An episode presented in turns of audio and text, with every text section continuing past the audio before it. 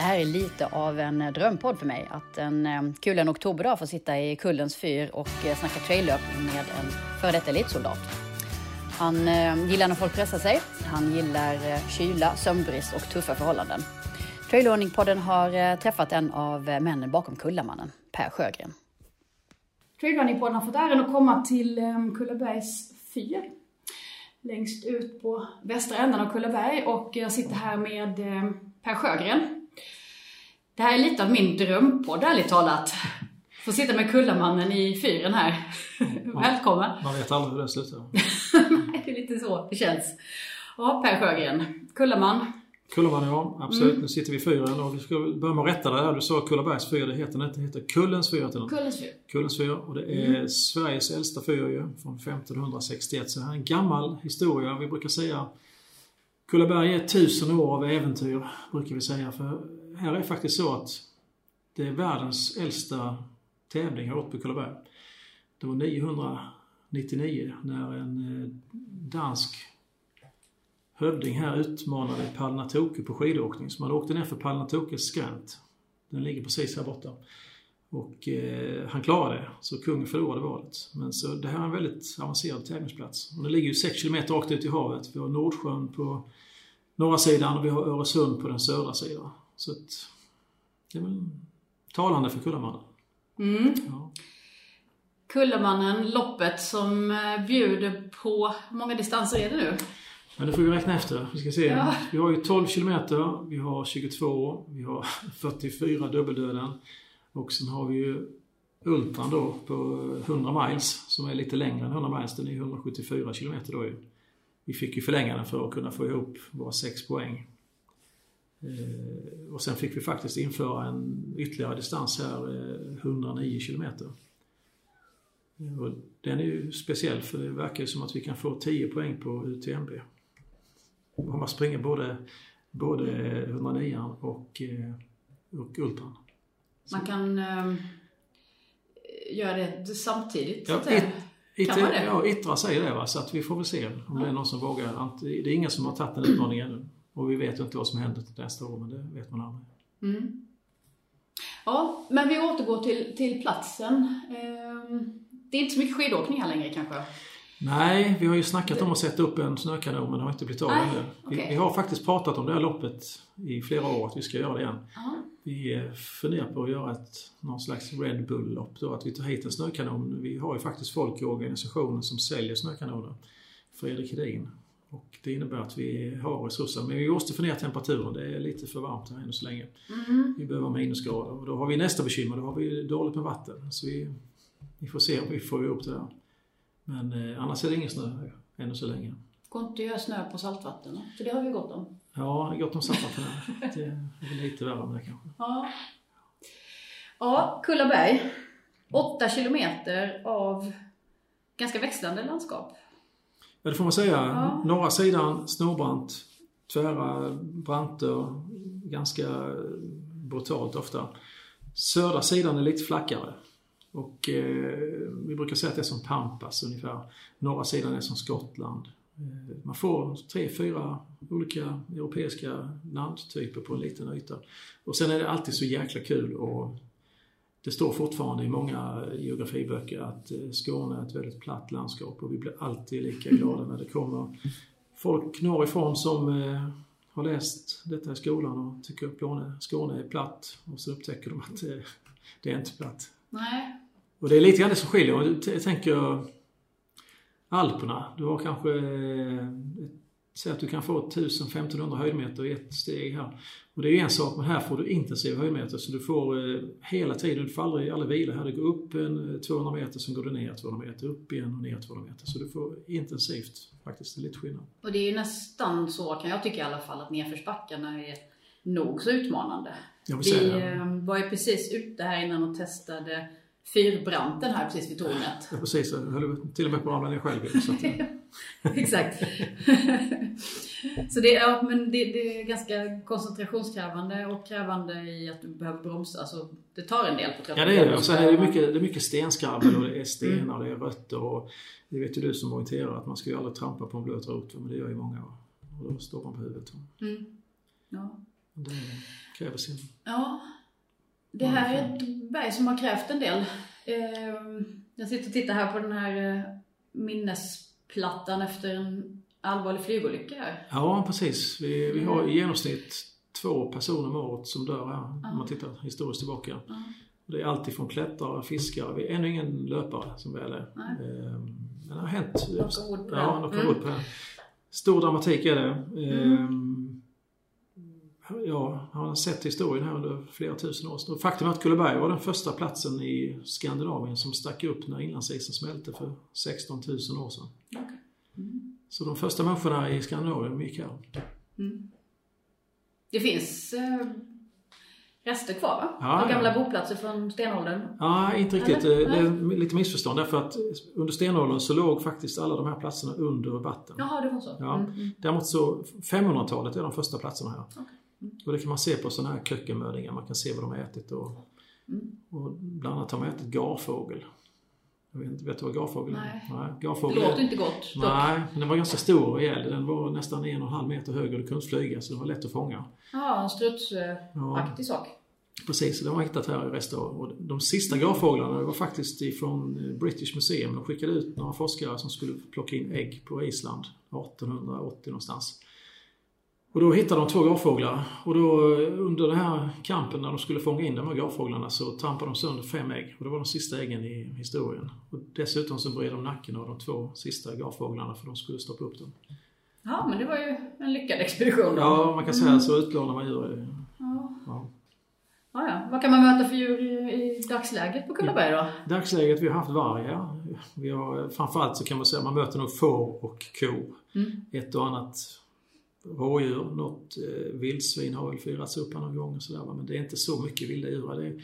Det är så mycket folk som besöker berget på sommaren så de har en tendens att hålla sig borta. Mm. Annars finns det ju falkar här. Vi har ju pilgrimsfalken här och vi har ju gott om sjöfågel och så. Men det, det ser man inte när man springer. Nej. Ja. Människor- Men eh, tillbaka till dig. Vem är Per Sjögren? Ja, vem är Per Sjögren? En, eh, vad ska man säga? Jag har väl idrottat hela mitt liv. Jag tillhör den gamla skolan när man inte var inne och såg på TV. Vi var ute och lekte gömme och klättrade och sprang och spelade landhockey och hockey spelade vi tidigt och efter hockeyn så var det faktiskt så att vi kom ju också från den, det är någonting som jag tycker märks skillnad är att vi vi som är lite äldre, vi var ju med på den tiden när det kalla kriget fanns ju. Då fick man göra värnplikten. Mm. Och det gjorde jag som fallskärmsjägare. Och där kom jag faktiskt att träffa på även Ulf Öhman som är med i organisationen. Och lite längre fram då började vi göra saker ihop eh, som är lite hemligstämplade. Men Okej. inom försvaret då. Ja, okej, ja, Ja. Ni arbetade så? Ja, vi arbetade ihop då, Ja, men vi kan, mm. inte, vi kan inte berätta mycket mer om det, men vi höll på med en del saker där. Mm. Sen eh, fick vi för oss någon gång 1996 att vi skulle springa Raid Galoise, För vi hade tidigt upptäckt att vi var jäkligt bra på långa distanser, lång tid, sömnbrist, kyla, precis allting sånt som vi hade varit med om hela vårt liv i försvaret. Och då, då tänkte vi nu ska vi ge oss in i den branschen. Så att vi, eh, vi började med multisport. Mm. Och Red Galois var väl den... Det var ju the shit då. Så, Det- ja, precis. det fanns Mm, bara ett mm, lopp. mm. Men innan vi var klara med detta så tror jag man la ner det. Så att vi, däremot hoppade vi på tidigt då. Vi, sen fick vi också för oss att vi skulle ju springa de riktigt tuffa loppen. På den tiden så var det något som hette Kim Elite. Det var ett lopp i England som hade legend-status.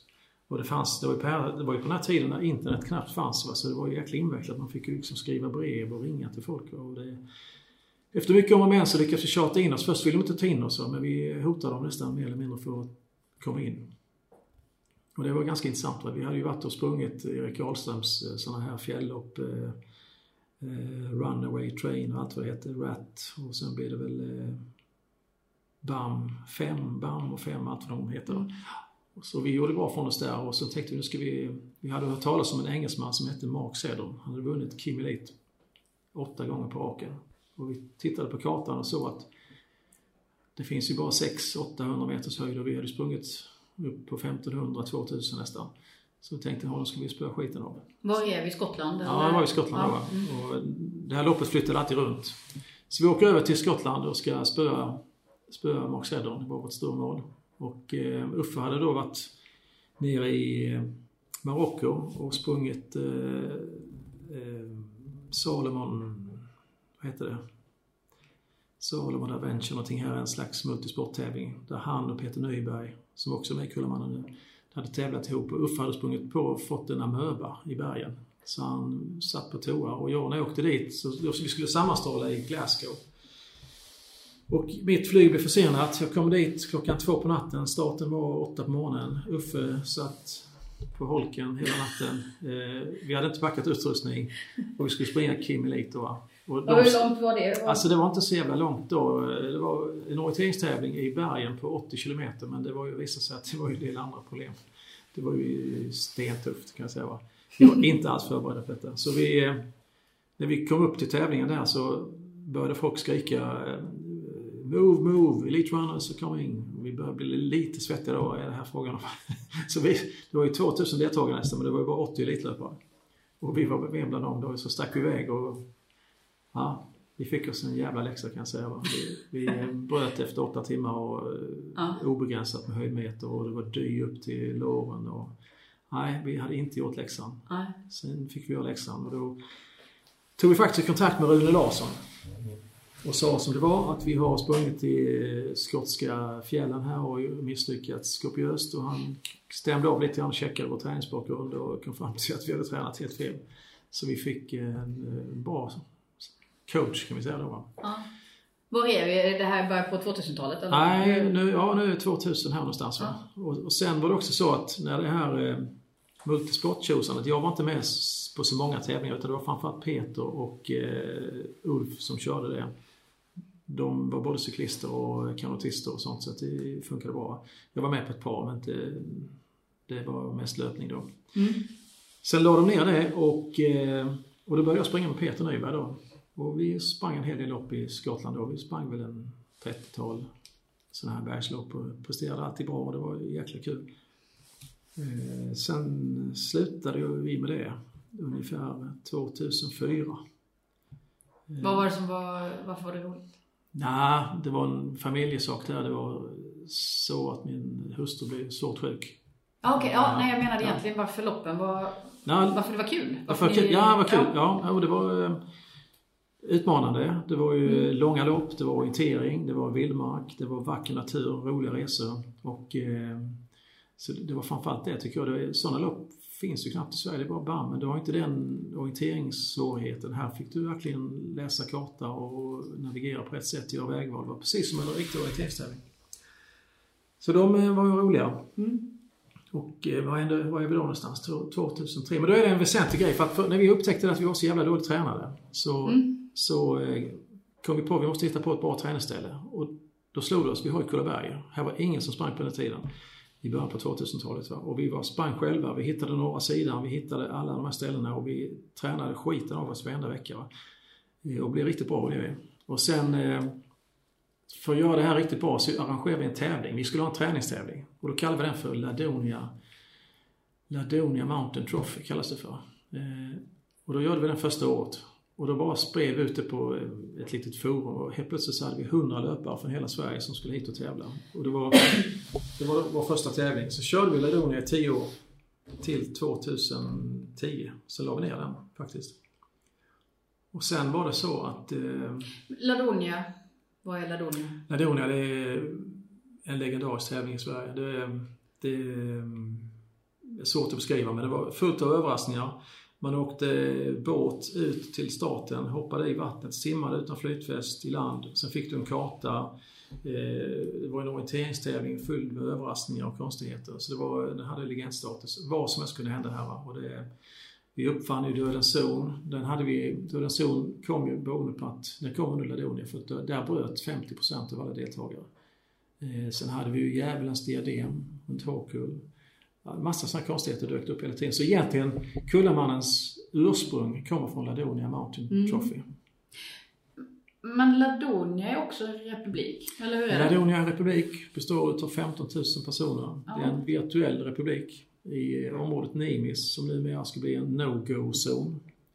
Man kommer inte få gå dit längre. Men, Sinimis? nej, Och Nimis är alltså Lars Vilks träskulptur nere precis. på norra Ja. eh, stranden här på Kullaberg. Ja. Och så har han ropat ut ett land där, en fristad på ungefär 1000 meter och Ah. gånger 200 meter. Okej. Med 15 000... eh, Det finns 15 000 medlemmar över hela världen. Mm. Och eh, man kan köpa sig titeln greve, friherre och allt vad det är. Man kan välja om man ska vara adlig inte. Och det är ganska praktiskt. För när man slipper ju krångla till sig och gifta sig med någon adlig kvinna. Hur är skatteläget och så i den här republiken? 0 procent. Ja. Den är helt opolitisk. Mm, mm. Ja, okej.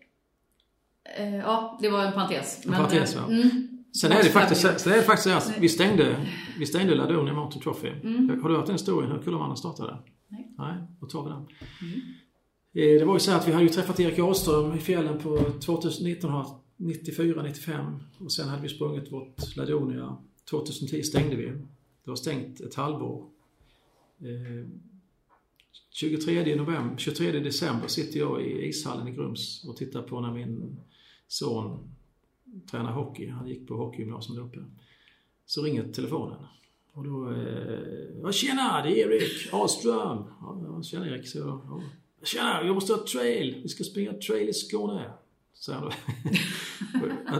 ja, vad fan, vad snackar de om? Jag, jag, jag måste ha ett lopp i Skåne, säger han. I trail to run. Ja, men fan, jag vet inte något. Sen kom jag på, vi har ju Springtime i Helsingborg. Nej, nej, nej, det är asfalt, säger han. Och det här var den här svängen som Salomon skulle ställa upp Ja, ja, ja, precis, tog Trail och ja. Lansera trail i Sverige ja, egentligen. Ja, precis. Ja, och sen så, så kom jag på ett lopp till, Änglamilen i Ängelholm. Nej, nej, nej, det, ska vara trail. Jag fattar inte vad jag menar riktigt. Vi har ju sprungit trail som orienterare hela livet tänkte jag säga. Va? Men skitsamma, han vill ha trail då. Ja. ja, jag kan inte Erik, du får ringa någon annan. Sen satt jag och kollade på träningen fem minuter så började jag tänka, fan vi, vi var ju grymma på att arrangera tävlingar. Och vi har en fantastisk organisation. Så jag ringde lite samtal och checkade med den gamla tävlingsledningen i Ladonia Mountain Trophy om vi skulle starta upp något nytt. Så jag ringer upp Erik fem minuter senare. Ja, tjena Erik, jag har, eh, jag har en tävling på om du har hittat en. Ja, vad heter han? Ja, jag vet inte. Ja, vad fan, var någonstans går den då? Nej, jag vet inte heller, men vi återkommer. Jag ringer imorgon, säger jag. Jag ringer på, jul, på juldagen där. Jag ska fira jul först, ringer på juldagen. Så jag ringer Erik på juldagen. Då sitter jag och Uffe Öhman och spånar här nere. Uffe kommer från Ängelholm också. Ja, för du är bördig från Ängelholm. Nej, det är jag inte. Jag Nej. bör- började från Göingeskogarna. Flyttade Ja, ja, ja. hit 1991 va. Okej, Men. Uffe är född i Ängelholm, så vi bor nästan grannar i Ängelholm ute på landet. Där. Så i alla fall så träffas vi och vi satt och spånade där. Ah, Kullaman, det är legenden på Kullaberg. Vi ska kalla det för Kullamannen. Och det ska gå upp på Kullaberg. Det är, vi har ju sprungit där och tränat i asbra ställe att springa på. Där ska vara tävlingen. Så vi ringde upp Erik och förklarade. Och så fick vi starta en hemsida och eh, på 90 dagar så rådde vi upp namn, tävling, Facebook, hemsida, hela kit. Och vi var nästan de första som började köra på Facebook på den tiden. Så det var väl, eh, vi var pionjärer där. Så Mm. Första året hade vi väl eh, 400 som startade och det var efter att vi hade startat på 90 dagar. Då körde ni på våren? Maj, Ja, körde eller? alltid Kristi himmelsfärdsdag. Mm, mm. Och vi, eh, vi körde det länge tills Länsstyrelsen fick för sig att vi skrämde fåglar på våren. Och det är lite kul eftersom att det är ungefär 600 000 besökare som besöker Kullaberg på våren och eh, 115 000 vandrare. Men, men våra några hundra löpare de stör fåglarna trots att vi springer bara på godkända stigar. Men det, vi fick flytta helt enkelt. Det var en jäkla ståhej. Så vi flyttade loppet till hösten och då valde vi alla helgons afton. Faktiskt. Vi väljer alltid kristna högtider Mm. till någon anledning. Och jag vet inte varför, men det känns dramatiskt på något sätt. Va? Kristi himmelsfärdsdag och alla helgon. Och, Ja. alla helgon är faktiskt bra, för det är ju visar sig att en gammal keltisk tradition det är ju att det är då man anser att gränsen mellan de levande och de döda är som minst. Det kan man fråga vilken 100 miles-löpare som helst om här ute. Absolut. Eh, vi- natten eh, till... Eh, De är många halvdöda kan jag säga. ja. Men eh, det här gänget bakom, det är ett gammalt militärgäng i grunden som... Ja, det kan man säga. Det är Ja. det är jag, eh, Ulf Öhman och Peter Nyberg. Ja. Vi är ju den kärntruppen. Mm. Sen runt omkring så har vi en, ett core-team på kanske 15-16 personer. Vi har en tjej med. Eh, Alla är specialister på sitt område. Många har eh, bakgrund ifrån försvaret, officerare, eller jobbar, har, fina, de har bra jobb och väldigt hög på standard. Så jag lyckas råda ihop ett riktigt, riktigt bra gäng kan jag säga. Och sen har vi alltid jobbat med två olika idrottsföreningar. Vi har jobbat med eh, Boken, en orienterarklubb ifrån Perstorp och så har vi jobbat med Munka innebandytjejer. Eh, så vi har, mm, vi har försökt hålla kvar och vi har alltid haft samma personal med nästan. Det kommer till någon enstaka ny pusselbit varje år. Så från början var vi kanske 10, nu är vi uppe i 16, 18 kanske. Men det är, det är proffs. Det är proffs allihopa. Mm. Och i deltagarantal har ni gått ifrån några hundra till... Vi hade 300 första året och så hade vi 676 andra året. Mm. Ehm, och det var en speciell historia varför vi tog 676. Det var lika många som red in i dödens dal under Krimkriget. Så vi, därför stoppade vi där. Och sen efter det så snurrade vi på. Vi knaprade lite grann hela tiden. Så att vi har ökat på. Nu är vi uppe i 2250. Mm. Och vi ska väl hålla oss där tycker jag. Vi ska nog inte växa. Ehm, vi vill att det ska vara en löpupplevelse. Vi vill inte att det ska vara ett löpande band. De som kommer hit ska känna att det, de får en upplevelse helt enkelt. Mm. Men det är en fantastisk utveckling. Ja, det får man säga. Ehm, vi, har, vi hade väl turen att komma mitt i den här trailboomen då. Mm. Plus att vi hade flyt med sociala medier och plus att vi har kanske ett av landets, landets vackraste tävlingsområden. Mm. Så vi får vara lite ödmjuka. Vi, vi vet inte hur mycket vi har gjort själva eller vad det är som Kullaberg, ja, det är väl bra. Mm. Du, eh, varför tror du att trail generellt lockar fler och fler? Jag tror att man... Eh, jag växte upp på den tiden när det var stort att springa milen. Sen kom ju Lidingöloppet, Stockholms maraton, Göteborgsvarvet på asfalt, det ska vara lätt och sen tror jag att man fick syn på det här med löpupplevelse faktiskt. Att man vill faktiskt springa på vackra platser och uppleva saker.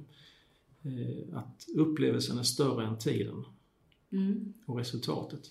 För det kan jag skriva under på att ja, jag vet inte hur många hundra procent tänkte jag Men de flesta som kommer hit, jag tror de springer för, för att uppleva stämningen som finns runt tävlingen den helgen. Det är en magisk stämning faktiskt. Det ett speciellt antal människor som kommer hit. Det blir som en häxkittel av olika känslor som blandas här ute. Mm. Det, jag tror det är en viss typ av människor som drar sig hit. Det är äventyrare, folk som går sin egen väg, annorlunda vägar, vågar sticka ut lite grann, prova saker. Jag tror det är där vi hittat nischen. Mm. Ni har ju lite av en, eh, alltså ni är ganska tuff eh, stämning runt lopp, alltså i kommunikationen. Ja. Eh, ni är ganska macho. Det får man säga. Gubbmacho. Är ni, är ni så tuffa som ni verkar? ja, vi är ännu värre. Ja. Vi försöker väl hålla igen lite. Nej, jag skojar bara. och vi säger, ja, men vi säger, allihopa har väl bakgrund från olika specialförband eller liknande saker. Och det, men det, många har ju kanske missförstått det där va. Att man, man kan ha en tuff mental inställning men ändå ha mjuka sidor. Eh, när det verkligen gäller så, så ger vi inte upp i första taget kan jag säga. Eh, vi är vana att pressa oss in i kaklet själva och vi ser inga hinder för någonting. Va? Eh, sen, ja, det är ju, många andra vill försöka göra snälla tävlingar. Vi vill försöka göra tävlingar som ska bli en utmaning för de som kommer hit. Det ska ju vara en stor sak. Om du åker från Luleå och ska springa Kullamannen så ska du känna att du får valuta för pengarna. Och bara springa 10 km på en 4 eh, meters platt bana utan att se en ekorre. Hur kul är det va? Nej. Så, så, det går inte. Mm. Och där är väl vi ganska duktiga tror jag på, när man anmäler sig på Kullamannen så i november så är man med på en lång resa under hela året. Ja mängder med nyhetsbrev och Facebook-uppdateringar och eh, man får följa med på det här ibland lite vilda rytten där. Vi kan ju säga en del saker som kanske inte är så normala. Ibland känns det som ni vill skrämmas lite, är det så? Ja, vi, vill, vi känner oss som gamla sergeanter att vi vill försöka förbereda de som ska springa på vad det är det värsta som kan inträffa. Vi vill inte att de ska komma hit oförberedda. Mm. Sen är det väl lite, ibland är det skoj, ibland är det allvar. Vissa saker är faktiskt allvarliga som det här med sjukvårdskit. Vi har så många som har råkat illa, vi känner många, vi har själv råkat illa ut. Mm. Vi har blivit svårt nedkylda, antingen under övningar eller under någon tävling. Vi vet vad det innebär. Det är livsfarligt. Va? Slarva med jacka, slarva med sjukvårdskit. Det, det, och sen är det alltid så att när man springer mycket, det, det finns olika faser. Du upptäcker trail, du börjar springa, du blir duktig.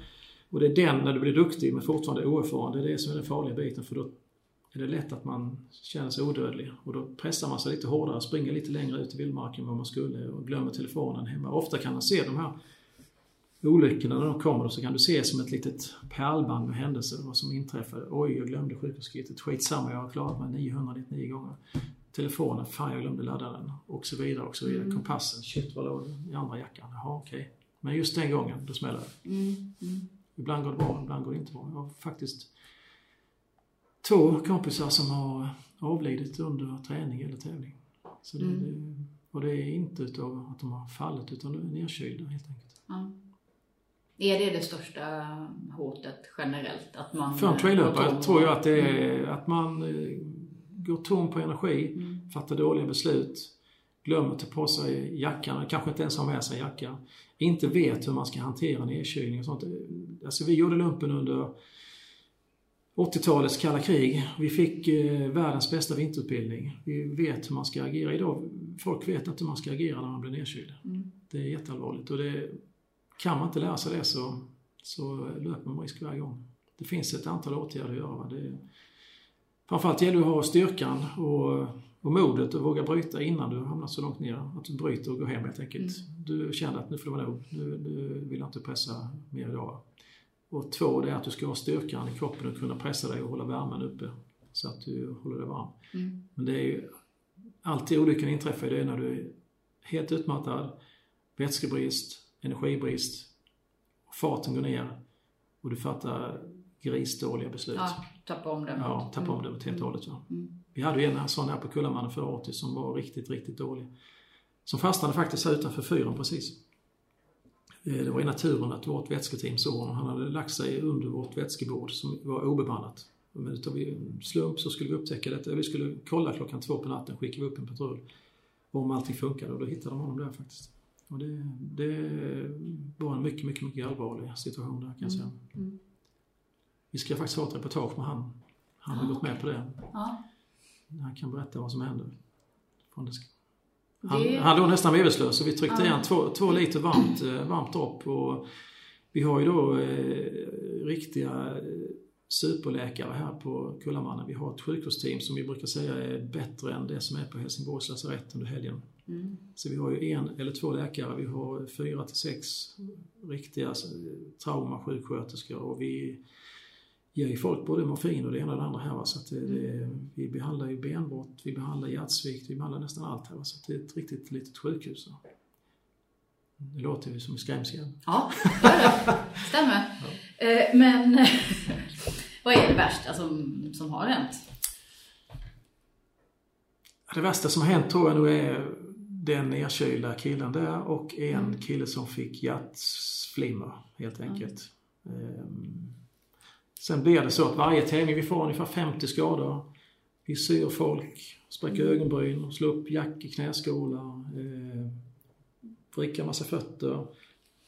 Ett och annan fotledsfraktur. Mm. Men det är ju inte... Ja, ännu så länge har vi klarat oss faktiskt. Så att det, vi vill ju absolut inte att dessa ska inträffa men det, när det är så många löpare inne i loppet och det går så fort ibland, det är ju de lägre klasserna som de flesta olyckor inträffar. Det är 12 km, det är 22 och 44. Där inträffar de flesta skadorna. Ultralöparna tror vi kör med lägre fart och de är mer erfarna och känner sina gränser tidigare. Mm. Och dessutom så eh, hoppar de av ganska snabbt. Det är många som bryter på det loppet. Ja, vi pratade om det här innan det är ungefär 70 procent förväntar ni er ja, 68 som kommer att bryta procent i år tror jag. 100 miles. Ja. Mm. Och det beror ju på att dels har vi nästan vi har 550 löpare i år och vi tror att 176 kommer i mål. Eh, det är ingenting som vi är stolta över på något sätt men vi ser i verkligheten. Vi tror att många har tagit sig lite vatten över huvudet. Och det kommer de upptäcka i Mölle när de har kört 109 kilometer och då fattar de nog ett klokt beslut och ringer i klockan tror jag. Mm. Var, var är brytrisken som störst så att säga? Ja, det är i Mölle. Där bryter 30 procent. Ah. Det är skönt när man kommer in på restaurangen, varmt och skönt. Mm. Man får god mat. En skön soffa. Och i år ska vi, år ska vi nog spela lite fina filmer också. Vi ska, vi ska ladda upp lite filmer. Kill Bill och Bröderna Karlsson. Så det är risk att man fastnar framför man fastnar på TV något bra på Ja, TV? ja. Ja, okej. Mm. Ja, det är ju snällt av er. Det är inte så lätt när man sitter där i värmen. Det är 25 grader varmt och sen igen. helgregnar Ska ut igen va. Och så börjar du få tveka där och så hör du klockan ringa hela tiden. Va? Vad fan, varför ska jag utsätta mig för detta? Jag skiter i det. Det är lätt om man får de tankarna. Negativa tankar, då är det kört. Du måste lära dig att styra dina tankar. Mm. Du måste ha en klar målbild från början. Och så måste du, när de här, alltså hjärnan har en fantastisk förmåga att lura dig. Det har vi märkt själva när vi, ska, när vi sprang våra lopp. Istället för att ta kanske eh, en stigning på 800 höjdmeter så, så, så väljer hjärnan att springa runt istället. Va? Vi kanske sparar två timmars löpning på att gå rakt över. Mm. Men hjärnan fattade beslutet att äh, det är lättare att gå runt, vi slipper höjdmeterna. Men då ska man sätta sig ner och fundera. Nej, har vi bestämt? det? Och därför ska man gå igenom banan innan. Här ska vi gå över, helt enkelt. Utan snack. Och då går vi över oavsett hur trötta vi är. Du måste styra det mentalt. Det är många som missar det faktiskt. Vad är det viktigaste om man nu ska springa den en längsta distans som Mm. startar i Båstad, rundar hela Bjärehalvön, passerar Ängelholm, eh, Arild, kommer ner till Mölle och sedan väntar fyra varv till här ute? Ja, Tre och ett halvt kan man säga. Tre och ett halvt blir det ja. Mm. Mm.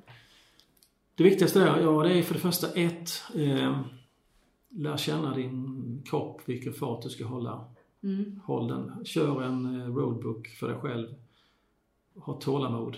Förflytta dig de här 80 kilometer innan du träffar på berget. Eh, Ät och drick som en eh, Skalman-klocka. Håll koll på din hjärna. Och njut av upplevelsen helt enkelt. Se det roliga i eländet helt enkelt. För ibland kan man skratta åt saker och ting. Va? Mm. Till exempel när man kommer till Sibirien i Ängelholm och tittar ut mot Kullaberg och inser att du har sex timmar kvar att springa till Mölle. Då, då gäller det att kunna hitta på något roligt att göra. Mm. Det var många som vittnade om när jag pratade med tidigare års löpare om att biten ifrån sig Torekov och bara till Ängelholm, Arild var den tuffa för att då springer man på ganska flackt längs havet. Du ser hela tiden Kullaberg, du har fruktansvärt långt kvar dit fortfarande. Precis. Och Mm. du ser inte riktigt att du kommer någonstans. Det är, Kullamannen består egentligen av flera delar och det, är, det här är en ganska intressant eh, grej. Den lätta flacklöpningen har ju visat sig då inte är så lätt. Va? Då, Nej. man gör ju faktiskt nästan 1700 höjdmeter. Och det är en del Mm. som inte vet om det. Va? Mm. Ehm, sen är det ju som du säger, du ser hela tiden det är flackt och du ser och, eh, Lösningen tror jag är att man ska hitta på delmål hela tiden. Mm. Titta framåt, nästa toalett, nästa stad och hit och dit och försöka lura hjärnan och tänka på något annat. Snacka med folk på vägen, snacka med andra löpare, inte fundera så mycket längre fram och se till att mata undan det. För det kommer ju faktiskt, det är bara 55 kilometer till Ängelholm. Sen kommer det ju en fin strandskog. Mm. Och sen eh, efter det så får du lite kustlöpning igen. Jag tror det är 13 naturreservat man springer i. Så Oj, ja. studera lite fåglar och Leta efter ekorrar kanske. ekorrar och ja, Ja. Du berättade innan att det är många som har tvingats bryta av olika anledningar som eh, kommer tillbaka och försöker igen. Ja, absolut. Mm. Det är många. Det är, vi ser många som har provat nu två år på raken och som har haft svårigheter. Men det, när man följer de löparna som har brutit så det är samma sak som vi gjorde i England. Att vi, ja, vi behövde ju själv två gånger på att försöka klara Kim Elite. Det var ju först då när man insåg eh, vad som krävdes. Ju. Vilken träningsmängd ska vi ha och vad är det som har gått fel? Och, ja, de flesta har nog tränat alldeles för lite egentligen så går man sönder på vägen. Fötter. Eh, något år så var det faktiskt extremt jävla dåligt väder.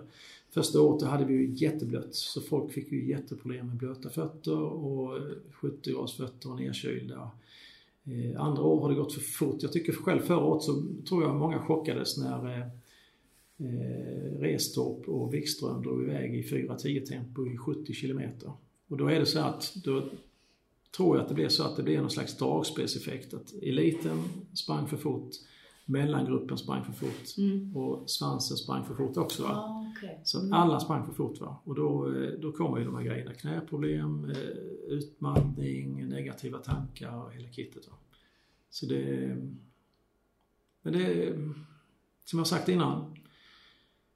Det ska inte vara lätt. Det ska vara en utmaning. Mm. Jag tror till och med jag citerade Kennedy där inne va? Ja, det du. It's not because it's easy, it's because it's hard. Jag tycker att bra. Rune Larsson skrev det på forum sist. Jag citerar Rune där också. Mm. Ganska kul, vi får många sådana kändisar hit. Va? Vi har ju Lazarus, flög hit från Tennessee. Mm. Vi har ju Rune.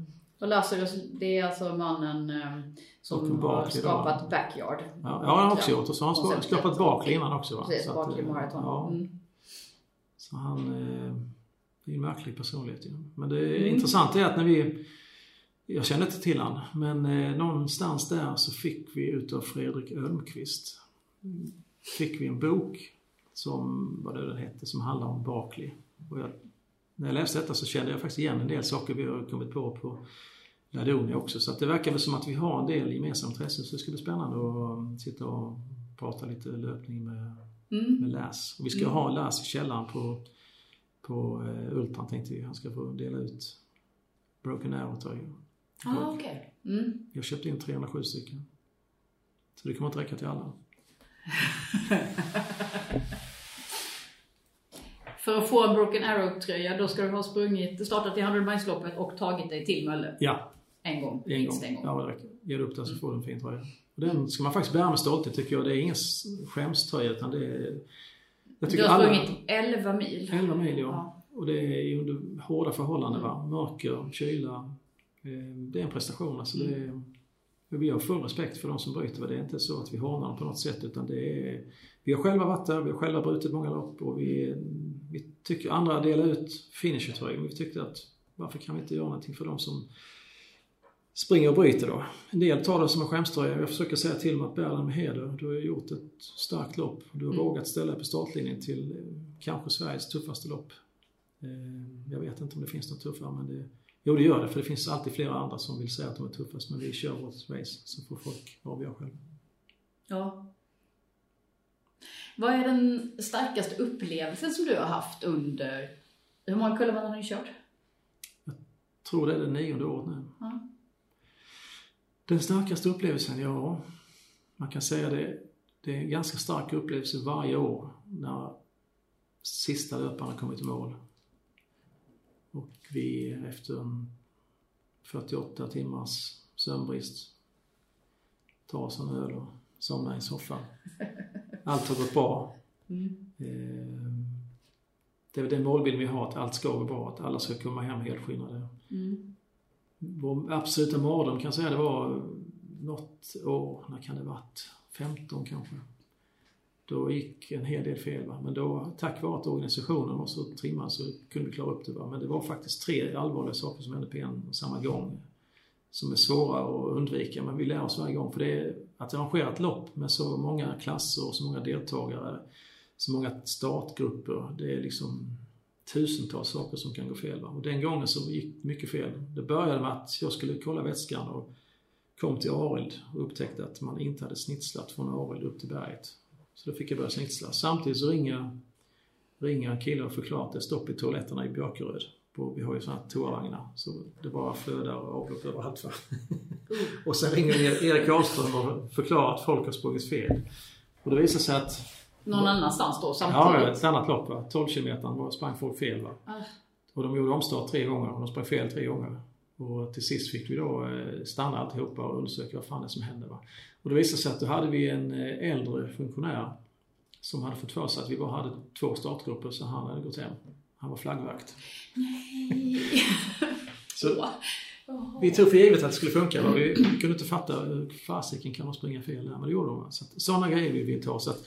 Alltid det vi är viktiga med att det måste, det måste vara rätt snitslat och det, det måste vara vätskan ska funka, sjukvård ska funka, det ska vara säkert att springa loppet. Men som sagt, det, vi är nu inne i den fasen här vi, vi håller på. Varje Kullaman startar ju ett par dagar efter årets Kullaman så börjar man planera nästa. Det tar nästan ett år att råda ihop en sån här och sista två månader så är det intensivt arbete nästan dygnet runt. vi gör ju detta på vår fritid va? så vi får ju försöka jobba lite grann och tjäna lite pengar och sen sitter vi på nätterna och kvällarna och knaprar på detta. Va? Vad gör du när du inte jobbar med Kullamannen? Inte med Kullamannen, då har jag ett annat företag. Vi säljer bland annat hockeytejp och liknande saker till sportaffärer. Eh, hållit på med det i 30 år. Och eh, det går väl bra. Mm. Det, men det är ju, så har vi fyren också, Kullens fyr. Vi Mm. har ju den öppen från påsk till september. Mm. Och här är det ju ett fint museum. Ja, precis. Vid ett café, eh, mötesplats. Många löpare som kommer hit här och fikar och och tränar. Mm. Så att här pratar man mycket löpning faktiskt när man är på sommaren. Mm. Så det passar väl bra in. Ja. ja, det är ju galen utsikt från det här rummet vi sitter nu. Ja, Det är lite dimmigt, Lite men man ser ju ja. väldigt vänligt. Danmark i Här är en av Sveriges vackraste solnedgångar kan jag säga. Ja. På sommaren. Det är lite kärvare på vintern. Kulleberg har faktiskt flera sidor. Sommaren fantastiskt vackert. Hösten börjar det bli mörkt och kargt. Och då, eh, då känner man att livet sitter löst uppe faktiskt. Mm. Du fick prova det idag. Ja, det fick jag faktiskt. Mm. Jo. Nej, med lite regn på det där så blir det halt ner faktiskt. Ja, men det ska vara kärvt. Ja.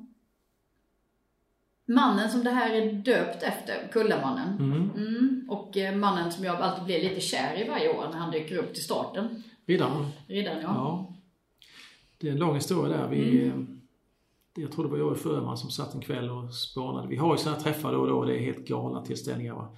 Det är, 100 miles, den hittade vi på en servett efter en kräftskiva.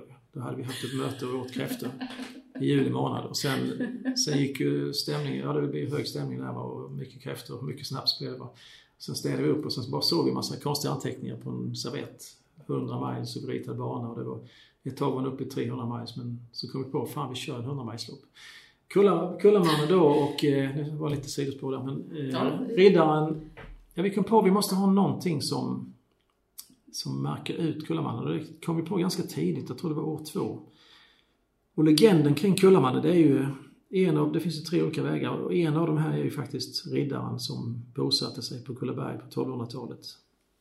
På grund av olycklig kärlek. Byggde en mur, slog ihjäl alla som kom hit och var genom århundraden ökänd här uppe. Så då kom vi på, fasen vi ska ha riddare med häst och allting. Så Uffe började söka efter en riddare. Och då hittade han den här riddaren, vi trodde inte det var sant va. Och han kom upp dit första året med rustning och svärd och lansar och grejer. Och det, det blev succé faktiskt. Mm. Eh, Så det var, hade vi lite flyt i. Och sen hade vi då Joakim Svensson som hittade vår berömda introlåt. Som väcker lite känslor och håren står ju rakt upp på de flesta när starten går. Va? Vi har en ganska mäktig start måste jag Ja, det säga. är maffigt. Och, Nej. det- och riddaren är ju väsentlig. Han, han rider in och pekar på dem med lansar och svärd. Och, Mm. då är man redo. Ja, det är respektingivande när han galopperar iväg sen. Det är... Ja visst är det. Här håller man sönder. Ja. Jag hade faktiskt en fråga här också, hur fasen det går till när ni skapar era nya utmaningar. Ja, Mm. ja de, alltså det är lite konstigt det där va. Det är, det, ofta är det någon extern händelse som inträffar. Eh, ja, som till exempel att någon organisation vill mena att de har bättre, tuffare lopp än vi har. Och då, ja, sen har vi, vi har ju ett par träffar om året när vi träffas i fyren bland annat. Vi sitter nästan alltid i fyren då va. Mm.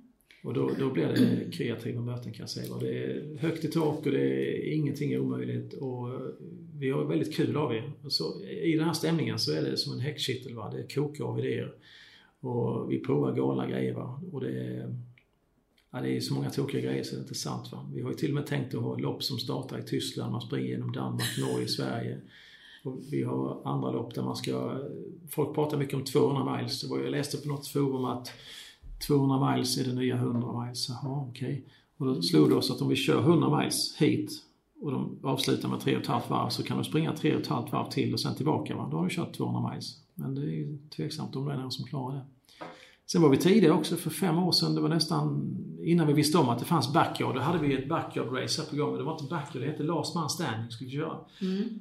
Och då skulle man springa dödens zon, 22 kilometer med start från fyran. Tills alla hade gett upp utom en. Men då är, den är lite spännande för den är lite tuffare än att springa 6-7 kilometer. Mm. Det är en grej, men att ge sig ut på sista varvet och veta att du måste klara det och springa 22. Mm. Lite, lite värre så, men det, Mm. den har aldrig blivit av den idén.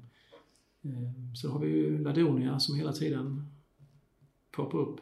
Ja, Jag vet inte fan, vi är, jag tror vi är lite konstiga faktiskt. Jag tror vi har väl någon störning här allihopa.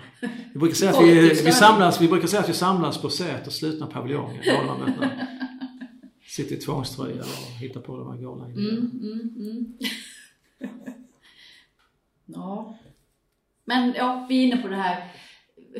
Ett maraton blev 100 miles, blev 200 miles. Ja, det är ganska intressant. Tittade på utvecklingen här. Hur långt kan man springa? Ja, jag vet inte.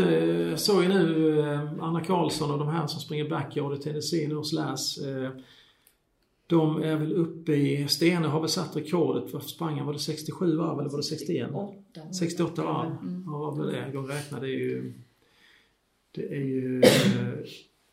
vad är det, vad kan det vara? Gånger 6,7 det är... 50 mil någonstans va? Ja, det blir det va? Ja.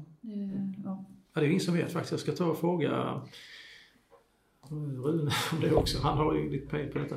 Men Mm. alltså det känns ju som att distansen ökar hela tiden. Va? När vi startade Kullamannen då ville ju någon, utan att namnge dem, att vi skulle ha ett lopp på 5 km och ett på 10. Och vi gjorde det första året men vi skämdes ju som hundar. Tänkte det här kan vi inte arrangera, vi kan inte ha sådana lopp. Va? Det, så nästa år två så införde vi eh, plusmeny, precis som en känd hamburgerkedja. Så man kunde anmäla sig till svart och köpa in sig i Dödens zon. Och då fick vi det. Och därefter så tyckte jag att vi kan lika gärna köra Dödens zon. Och sen när det var lite sådär så blev det dubbeldöden. Och sen vår första Ultra, då körde vi den 47 km. Då startade vi Ängelholm och tyckte det var brutalt. Mm. Sen blev ju den 57. Och året efter blev den 66. Och där trodde vi att gränsen var.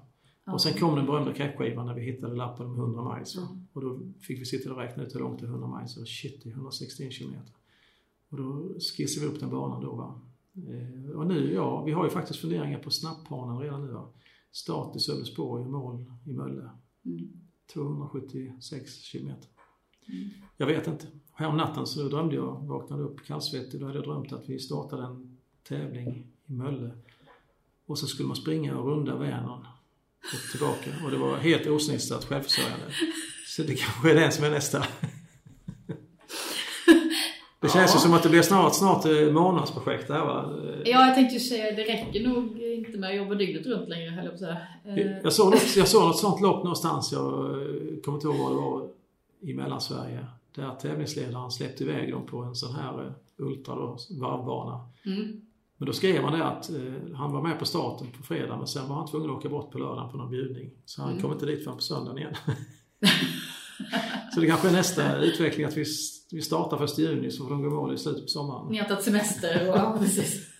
Nej, jag vet inte men det, det är lite så, jag vet inte vad. Det, det finns ju två olika sätt att se det va. Antingen vill man ju springa jäkligt fort på vissa distanser och testa de gränserna. Eller så verkar det finnas en stor grupp människor som vill testa var går den bortre gränsen för mänsklig förflyttning. Va? Mm. Och det är intressant att se. Det- känns ju som att det är två olika vägar som delar sig någonstans. Va? Mm. Och jag vet inte vem som är ädlast. Jag tror det finns utrymme för allting. Va? Ja, precis. Det kanske tilltalar olika typer av människor, olika typer Ja, jag tror det också. Va? Ja, Mm. det är intressant. Du, kolla nu backyard här, det har blivit supersuccé ju. Mm. Det bara växer ju upp överallt. Mm. Och då, vi sitter och funderar på, ska vi köra backyard, ska vi inte köra backyard? Jag vet inte. Vi har en bana som är nästan rätt distans med start från fyra. Det kan bli ganska kul. Men vi har inte ansökt om dispens ännu på den. Vi måste ju ansöka om dispens och hela tiden. Det tar Mm. lång tid, det tar ett halvår att få ordning på det. Ja, vi befinner oss i naturreservat. Ja, precis. Mm. Med lite speciella regler. Ja. Men det känns lite grann som så att eh, Kullamannen står ju alldeles still. Det, det kan ju faktiskt bli på så sätt, ingen vet ju, men att vi lägger till flera distanser. Ändrar distanser, förlänger distanser. 100 miles kanske inte är tillräckligt långt när det gäller de långa. Jag vet inte, vi får se efter året här. Mm. Sen vet man ju inte heller, hur länge håller vi på? Vi har stängt lopp för. Vi stängde när vi var 10 år. Eh, Ladonia. 10 år är en sån här magisk siffra för oss. Och det innebär att 2020, ja vem vet? Stänger vi? Jag vet inte. Vad som helst kan hända. Mm. Har ni kul? Vi har jättekul av det. Det är Mm. därför vi gör det. Mm. Så att, eh, men även vi hjältar blir gamla tänkte jag säga. Så vi, det är kanske är dags för någon annan ska ta över, jag vet inte. Men vi kommer ju aldrig låta någon annan ta över Kullamanna, det går inte. Det är omöjligt. Det, det är en speciell anda. Mm. Det, det är galna människor inblandade. Ja. Intressant. Du, eh, vem har, i- vilken löpare har imponerat mest på dig eh, i Kullamannen genom åren? Ja, jag gillar ju Amanda Nilsson. Mm. En eh, jäkla tjej. Springer som en raket. I år kan hon inte vara med, hon är skadad. Hon har vunnit eh, Dödens zon tre år på raken. Vi hade sett att hon skulle vinna den fjärde. Mm. Ehm, sen har vi även, ehm, vi har, vad heter han nu? Johannes någonting, han som slog mitt rekord på, jag hade ju ett FKT-rekord. Ehm, nere i Håkursmål. Sattes 2003, 7 och 32 hade jag upp till Håkull. Mm. Och så kom, vad heter han nu, Johannes, han är alltid rolig för han ringer alltid dagen innan. Han har vunnit eh, dubbeldöden något år. Han är en fantastisk löpare. Eh, Sen ja, naturligtvis Petter Estorp och Patrik Wikström, fantastiska. Eh, Många tjejer som varit jätteduktiga. Det är, det är alltid någon eh, som sticker ut varje år. Eh, Jag gillar ju när de kämpar och, och inte ger upp. Det kommer alltid någon varje år. Vi får se vem som träder fram i år. Ja. Som pressar sig bortom det möjligas gräns och lyckas både vinna och ta sig i mål. Det kommer att bli sådana. Mm. Det är imponerande. Ja. Ska vi avrunda det här med att du tippar vem, vilka vinner? eh? Oj, oj, oj. Det är ju jättesvårt. Ja. Ehm. Du menar i olika klasser? ja, jag tänkte egentligen på 100 miles och på dubbeldöden. Ja. Eh, det är lite svårt där. Eh, när det gäller eh, herrarna här så... Ja, vad jag har sett på listan så tror jag att Patrik Wikström och Peter Estorp gör upp om detta. Mm. Och Petter vann ju förra året så han har väl lite fördel. Han har sprungit ett år innan och har säkert mer i gasen att ge. Men man vet aldrig vad som händer, det är ett långt lopp. Bland tjejerna, ja, vad säger du själv? Vad- Vilken tippar du på? Jag har inte läst på Nej. startlistan än, ska erkännas. Men, ehm, så jag vågar inte säga exakt. Men ehm, jag pratade med Johanna Bygdell för några dagar sedan bara. Jag vet Johanna att är hon ja. är väldigt ehm, Johanna är sugen taggad. på Ja, är att taggad. eh, genomföra det här bra. Håller på tummarna. Hon har ju varit skadad lite då och då. Ja. Mm, precis. Det, Eh, Så vi får väl hålla tummarna. Hon har väl bra chans och mm. vad heter hon nu från Skövde? Nu tappar jag namnet här. Sofia Smedman. Sofia Smedman vet man aldrig vad hon ger Nej. upp Nej, som det... en blodigel. Ehm, absolut, hon kommer säkert vara med i toppen där. Mm. Laila Öjefelt, jag vet inte. Hon har vunnit i Transylvanien. Jag vet inte hur formen Var är på på henne. pallen i fjol va? Ja, det var nog va? Ja. Mm. Ja, det, är, det är svårt att säga för det kommer alltid att träda fram någon ny. Va? Det gör alltid det. Va? Mm.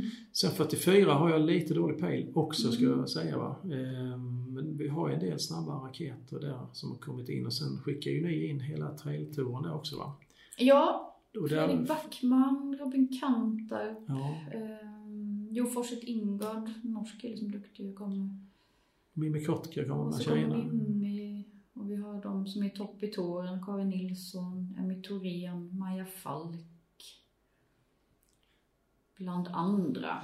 Ja, sen kommer det några Salmo-tjejer också. Jag vet inte vilka som dyker upp riktigt men det, Ja, okej. Mm. det, Mm. det lär väl bli en liten fight Känns som lite vanligt. som, eh, ja. Ganska bra. Jag tycker vi har bra startfält i år. Va? Det är kul. Mm. Plus att det är många som springer för upplevelsen naturligtvis. Så att, eh, Ja. Ja, en upplevelse kan vi nog räkna med. Oavsett väder och vind och har vi lite tur så får vi ju annat. 20 meter per sekund och hällregn.